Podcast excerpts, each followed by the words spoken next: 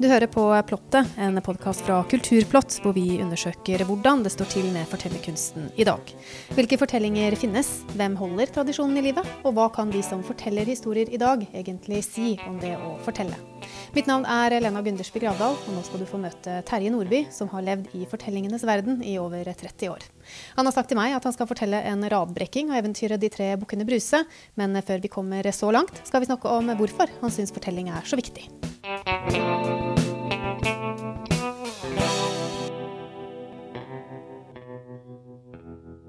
Det er i fortellingen sannheten ligger, og fortellingen er en åpen form, i motsetning til det saklige språket. Så du kan aldri finne ut av den. Det er den som vinner til slutt. Det som er dens egenart, er at den tar deg til et sted hvor du ikke visste du ville. Og det stedet som du ikke visste at du ville til, kan, når alt stemmer i fortellingen, minne deg på hva livet er, mener Terje. Vi går rundt og tenker på eh, saldoen på kontoen og hva vi har på i dag, varmegradene kanskje, og hva vi skal gjøre etterpå. Og når begynner ferien. Og, alt dette som vi må tenke på for å overleve. Og hvordan er det med barna mine, og, og hva skal jeg gjøre neste uke, er jeg frisk? Alle disse rasjonelle tingene. Og det er greit å tenke på rasjonelle ting, men det, det gir en eller annen form for falsk forestilling om livet. For livet er ikke sånn. Livet er den, den, de nødvendige tingene, men det er noe mer enn det. Og det rykkes vi ut av f.eks. Uh, når du får høre at uh, nær venn av deg har fått kreft. Eller at du blir, plutselig blir forelsket. Eller du hører en musikk uh, som, som, du aldri har hørt før. Men også en liten fortelling river deg litt ut. Kanskje ikke storslagent hver gang, men den minner deg liksom på hva livet er. Det, det er enda mye større ord enn i stad, men jeg står for det. I tillegg til å være forteller, er Terje også dikter, forfatter, musiker og mytolog. Så da er det kanskje ikke så rart at det er vanskelig å oppsummere hvilket forhold han har til fortellinger. Men forholdet det starta for over 30 år siden. På et eller annet tidspunkt på 80-tallet så fikk jeg behov for å forstå at uh, det er fortellingen som er grunnlaget i teatret og i all annen litteraturform også. Og så begynte jeg å studere myter. Det er 30 år siden nå. Og siden da har ingen sett meg. Det er mitt forhold til fortellinger jeg oppdager jo etter hvert at fortellingene er grunnlaget ikke for bare all fiksjon, men også for virkelighetsoppfatningen. Sånn at uh, vi baserer hele vår forståelse på et sett av fortellinger. Og Derfor så er det veldig interessant å gå inn i den og finne ut av den og finne ut hva man har fortalt før, og deschiffrere den og prøve å sette fortellinger i sammenheng. Jeg syns det er veldig interessant når du sier det at det er i fortellingene sannheten ligger. Er det en innsikt som kom til deg underveis, eller, eller, visste du det på forhånd da du bestemte deg for at du skulle vie ditt liv til Nei, dette er ting som har eh, modnet seg eller eh, formet seg i løpet av disse årene, egentlig. Og du kan si min interesse for fortellinger, min kolossale interesse for, for fortellinger, den begynte jo rent funksjonelt. Jeg hadde lyst til å bli en bedre dramatiker. Men den, så tok det helt av. Så ble det helt underordnet. Sånn at uh, Nei, mer konkret da, så er det jo i kulturenes forskjellige fortellerformer og litteratur og musikk for så vidt, men også eh, religion Altså religionenes eh, innhold er jo til sjuende og sist fortellinger. Eh, du kan tenke deg en, en, kristendom uten kirke og prester, men ikke uten fortellingen om at Jesus døde og oppsto. Sånn at, at det er jo ingen mening med noe som helst. Altså, hvis du skal forme det på det saklige nivået, så kan vi, vi kan få til veldig mye rart i det vitenskapelige språket, men vi finner ikke noen mening. Eh, sånn at eh, den derre søken etter hva det nå er, lengselen etter skjønnhet eller, eller mening, den, den, oppløser seg en fortelling. Min Nietzsche sier at bak myten står døden. Og det er sant i veldig mange forskjellige, eller ikke veldig mange, men noen forskjellige sammenhenger. Fordi at det er ikke noe bak myten. Det er, det, er, det, er det vi former, former vår grunnforståelse og vår kommunikasjon på. Hva tenker du om eh, fortellingen og fortellingens plass i samfunnet i dag? Jo, den er jo der til de grader, den. Eh, den er der i form av TV-serier og dataspill og romaner og filmer. Fortellingen er der mer enn noen gang, kanskje. Og det er ikke noe, er ikke noe poeng å lengte tilbake til leirbålet. Det, det var mye, mye var hyggelig med leirbålet, men mye annet på den tiden som ikke var så, så bra. Så fortellingen lever enten vi vil eller ikke, holdt jeg på å si, bare i forskjellige former. Og det som er interessant å se, F.eks. et av mine yndlingseksempler når jeg snakker med videregående ungdom, er at uh, den første James Bond-filmen, som jo også er veldig gammel nå, da, 1961 eller 2 Historien i den er nesten hentet fra Gilgamesh, som er det eldste skriftlige eposet som vi i hvert fall kjenner hittil. Veldig mye av den samme strukturen. Skurken, helten Og strukturen i fortellingen er, er nesten skremmende lik. Sånn at uh, James Bond er uh, basert på mytisk materiale. Noen sånn som George Lucas, uh, filmmakere, har jo gjort dette helt bevisst og studert mytisk materiale for å få til den Star Wars-trilogien.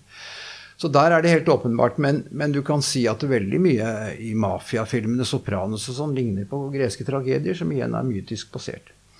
Så fortellingene fins. Og det fins jo også i form av fortellerkafeer og fortellerfestivaler og fortellerutdannelse nå etter hvert. Det har jo kommet de siste 20 år, det òg. Eh, hvor man prøver å gå tilbake til den eh, menneskelige formen. Da, en slags teaterform for direkte fortelling. Som jo alltid har eksistert, men kanskje ikke i formell sammenheng. Det er vel et tegn på at uh, alle, alle former er dekket. Hva er det på en måte i deg, tror du, som gjør at du trekkes sånn mot fortellingen? Det er de store fortellingene og de små fortellingene som har fascinert meg mest. Eh, hvis jeg tenker tilbake på barndommen og altså de altså eventyrbøkene og Alf Prøysen i radioen og de der første store, rare uh, opplevelsene du hadde med ting som var, du var litt for liten til egentlig å forstå, uh, det, det, det, det, gjorde voldsomt inntrykk, altså.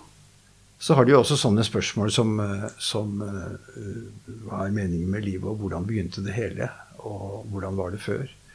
Eh, som man aldri helt får ordentlig svar på. Som også blir på en måte transformert til fortellinger. Mm.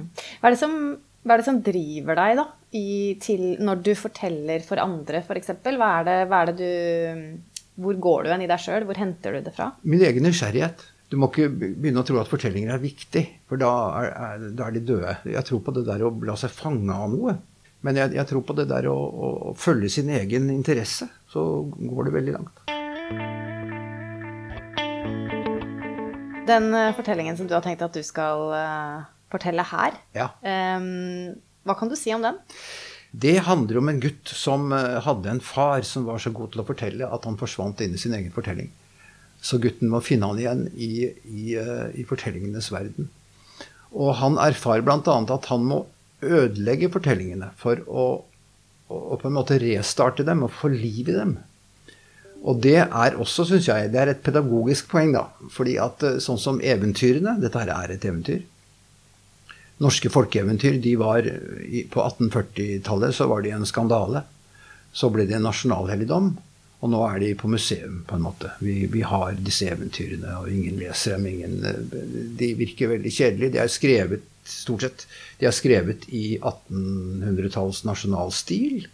Denne gutten lærer at han må for at eventyrene ikke skal dø, og andre fortellinger ikke skal dø, så må de gjenopplives, så må de refortelles, og i den gjenfortellingen så må de leve på nytt.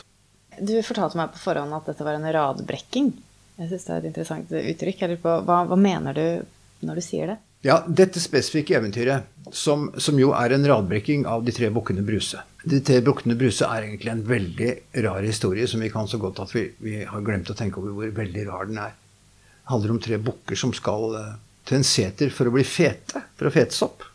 Så møter de en troll, eh, slåss med dem på denne brua, og så vinner den tredje bukken, for han er sterk, så, så vinner de over trollet, og så går de opp på denne setra, da. Hva gjør de der?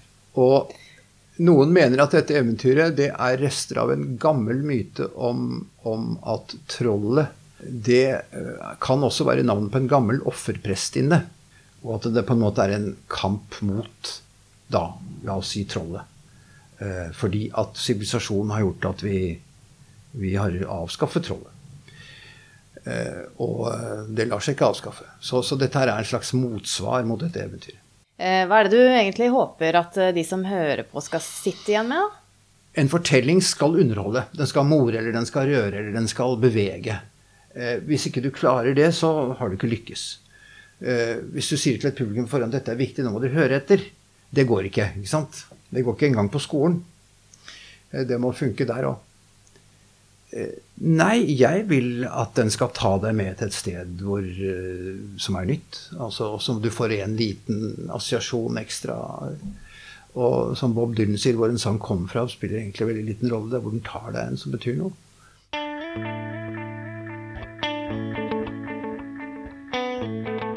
Og her får du en radbrekking av det kjente eventyret De tre bukkene Bruse, fortalt av Terje Nordby.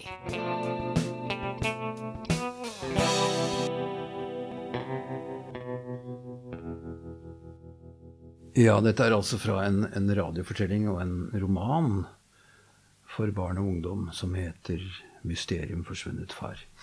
Det handler om en gutt som forsøker å finne igjen faren sin. Han var så fabelaktig god til å fortelle at han en gang forsvant inn i sin egen fortelling. I leting etter faren forviller han seg inn i skogen og treffer på et kvinnelig troll. Og møtet med dette kvinnelige trollet får denne historien frem. Dette denne kvinnen dukker opp ved bru og ber gutten gjengi det han husker om eventyret om de tre bukkene Bruse. Og så sier gutten det er en stund siden jeg har hørt det, men ok.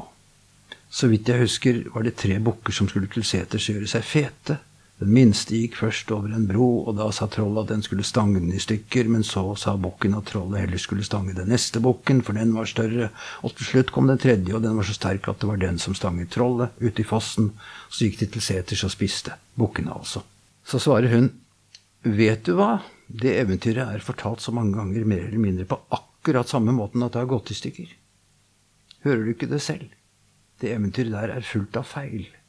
Tre bukker skal til seters for å gjøre seg feite. Hvorfor i all verden skal de det? Enten er de så magre at det er synd på dem, men da orker de ikke gå langt til skogs og stange troll. Altså er de ikke spesielt magre. Eller så er de noen luringer. Har det noen gang slått deg at disse tre bukkene kunne være svindlere? Sett deg ned, så skal jeg fortelle deg det eneste og sanne, oppriktige og originale eventyret om de tre bukkene Bruse. Og slik fortalte trollkjerringa. Det var en gang ei trollkjerring som passet på ei bru. Det hadde hun gjort så lenge hun kunne huske, og før det hadde moren hennes gjort det, og før det moren til moren til den trollkjerringa igjen, videre helt til den aller første trollkjerringmor fant elva og fikk brua bygget i tidenes grålysning. Og det var Trulli, som nå er gudinne for kråkesølv, juletrær og alle som går seg bort. Trulli tar imot trollkjerringene når de dør, og leder dem til et stille sted langs den hemmelige stien, inni den grønne himmelskogen, der ingen lyver, arbeider eller er redde for noe som helst. Men mens Trulli og, og alle hennes etterkommere levde og bodde i skogen, passet vi på brua alle sammen, og hver gang noen ville over, sa trollkjerringa, stans, her er det bompenger, hvis ikke du betaler, må du snu. Vrøvl, svarte folk. Bommene er ikke oppfunnet, og ikke pengene heller, og i hvert fall ikke bompengene. Nei, jeg bare tøysa, sa trollkjerringa da, men nå er det alvor. Du har å kaste ned noe til meg, noe jeg kan legge under brua så den ikke detter ned, men varer til evig tid. Hvorfor tror du at verger passer gruvene og nissene dyrene og trollene brune hvis de ikke har en hensikt? Da stanset den som gikk over brua, og lette i lomma etter en glassbit eller et gammelt viskelær, et stykke bark eller en splint av en knust kubjelle. Tipp-tippoldemor fikk en gang et halsbånd som hadde tilhørt en spansk katt, datteren hennes en grønn stein med bevis på at det fins troll på Venus. Moren min en gummihanske med hull i, den tredje første gummihansken som ble laget. Takk. Gå over, og husk å pusse tennene med fluor, sa mamma, for hun var det første trollet som hadde vært hos tannlegen. Det siste også, forresten. Slik passet trollkjerringene på brua i mange hundre år. En dag på oldemors tid kom det tre brødre som på trollmunne ble kalt Bruse fordi de blåste seg sånn opp når de skrøt. De pyntet seg med bukkehorn, derfor oppsto den misforståelsen at de var bukker. De eide 90 jernbaner, 5000 bondegårder, skogen herfra til Russland, og var så gjerrige at de sparte på to år gamle tyggiser som de strødde sukker på og brukte om igjen. En dag var det ikke noe å kjøpe i virkeligheten igjen, og da ville brødrene Bruse kjøpe Eventyrskogen. Eneste vei dit går over denne brua. Oldemor hørte dem på lang avstand. Hvem er det som eier Eventyrskogen? spurte den yngste. Ha, Bare troll, tusser, nisser, huldre, marer, vardøgere, byttinger, utbrudder, gjengangere, deiliggaster, åskoreier, hekser, trollkatter, fander, drauger, kvernkarer og nøkker, svarte den mellomste. Og dem er ingen som tror på lenger, så dette blir lett, tilføyde den største. Og hvis noen skulle våge å hindre oss, kjenner jo vi både prester, matematikere, advokater og trøndere, jublet den minste. Hurra for oss, vi skal lage nasjonalpark, demme opp fossene, temme huldrene, frysetørke trollene og tjene masse penger, brølte den største. Oldemor hørte alt dette og begynte å dirre. Ser du den nuppete steinen der? Den ble slik på grunn av oldemors dirring. Hun lente seg inntil den store steinen akkurat da hun dirret, nemlig. Og mens hun skalv, tenkte hun så det knaket. Brødrene Bruse trodde det knaket i brua, kom til at den var skrøpelig, og ble derfor enige om å gå over én og én. Først kom den minste spaserende, kry som en hane, med slips, sleik og stamtavle i speilskrift på en skryteplakat hengende fra skinnbeltet. Stans, sa oldemor. Ofre, ellers så kommer du deg ikke over. Ser man det, svarte lillebror Bruse, her er det en trollvakt midt i villmarken, hyggelig det, min bror kommer straks og ordner opp. Oldemor lot ham gå. Den mellomste hadde dårelokk, dokumentmappe og dress. Hei, sa oldemor, du må ofre både for deg og bror din. Å herland dussen, da er det ikke et lite søtt troll der nede, den har aldri sett meg på magen, sa Mellombruse, for han var ikke så stø i språket som han var fin i tøyet. Du skal få ditt, sa han, storebror vil skrive ut en sjekk. Den største kom langsomt, kledd bare i lærbukse og helsetrøye, mørkeblå topplue og slepende på en sykkelkjetting. Det går rykter om et troll, men jeg ser bare en dame, sa han og myste ned i elva. Du må betale for deg og holde løftene til småbrødrene dine, så skal du få komme deg over, og jeg skal aldri gjøre deg noe vondt, sa oldemor. Stakkars, hun trodde så godt om alle. Jeg tror faktisk ikke jeg gidder, jeg, sa storebror Bruse. For om få dager eier jeg hele Eventyrskogen, og da skal jeg sette deg i glass og ramme og selge deg til den turisten som kan betale mest. Mener du det, sa oldemor. Mener du virkelig det? Ja visst, svarte eldstebruset lett. Da kommer jeg og tar deg, sa oldemor, nå hvit av sinne. Hun ålse opp på den østre bredden med slimete klør og nærmet seg ham uredd. Eldstebror Bruse stanset og svarte. Så så, ikke så brå da, frue, kanskje vi kan bli enige. Han tok av hatten. En glattbarbert skalle med to spisse sølvhorn kom til syne. Bare se på det, er ikke de hornene morsomme? lo han. Oldemor gikk like inntil ham og myste, hun var blitt nærsynt på sine eldre dager. Da gjorde han et rykk og stakk ut øynene hennes. Da hun ikke kunne se lenger, knuste han ribbeina hennes mot brosteinsgelenderet og heiv henne i elva, så hun brakk armer og ben mot steinene, og vannet ble farget rødt av trollblod. Da løp eldstebror Bruse i triumf over brua og skrek, Jeg befaler, fra nå av skal dette eventyret skrives om, og vi brødrene Bruse skal være heltene i det. Oldemor plasket blind og blødende i elva, og skrek det mest fortvilede skrik noen oldemor har skreket. Jeg forbanner dere tre brødrene Bruse og søker om hjelp fra alle vesener i eventyrskogen måtte disse tre kvisene på jordens rumpe komme til en seter hvor de mister det vesle vett de har, bli så feite de bare kan og kjede seg til evig tid. Så druknet hun. Brua falt sammen, og ingen kunne krysse elva før datteren hennes bestemor bygget den opp igjen.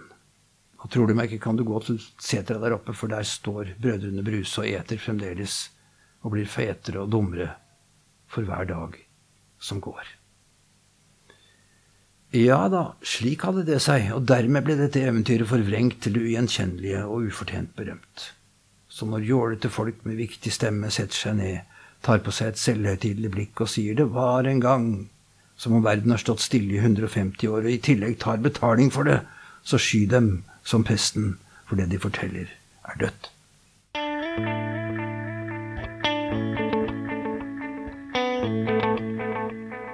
Plottet lages av teknisk ansvarlig Bård Andersson og meg, Lena Gundersby Gravdal. Ansvarlig redaktør for Kulturplott er Magne Lerøe.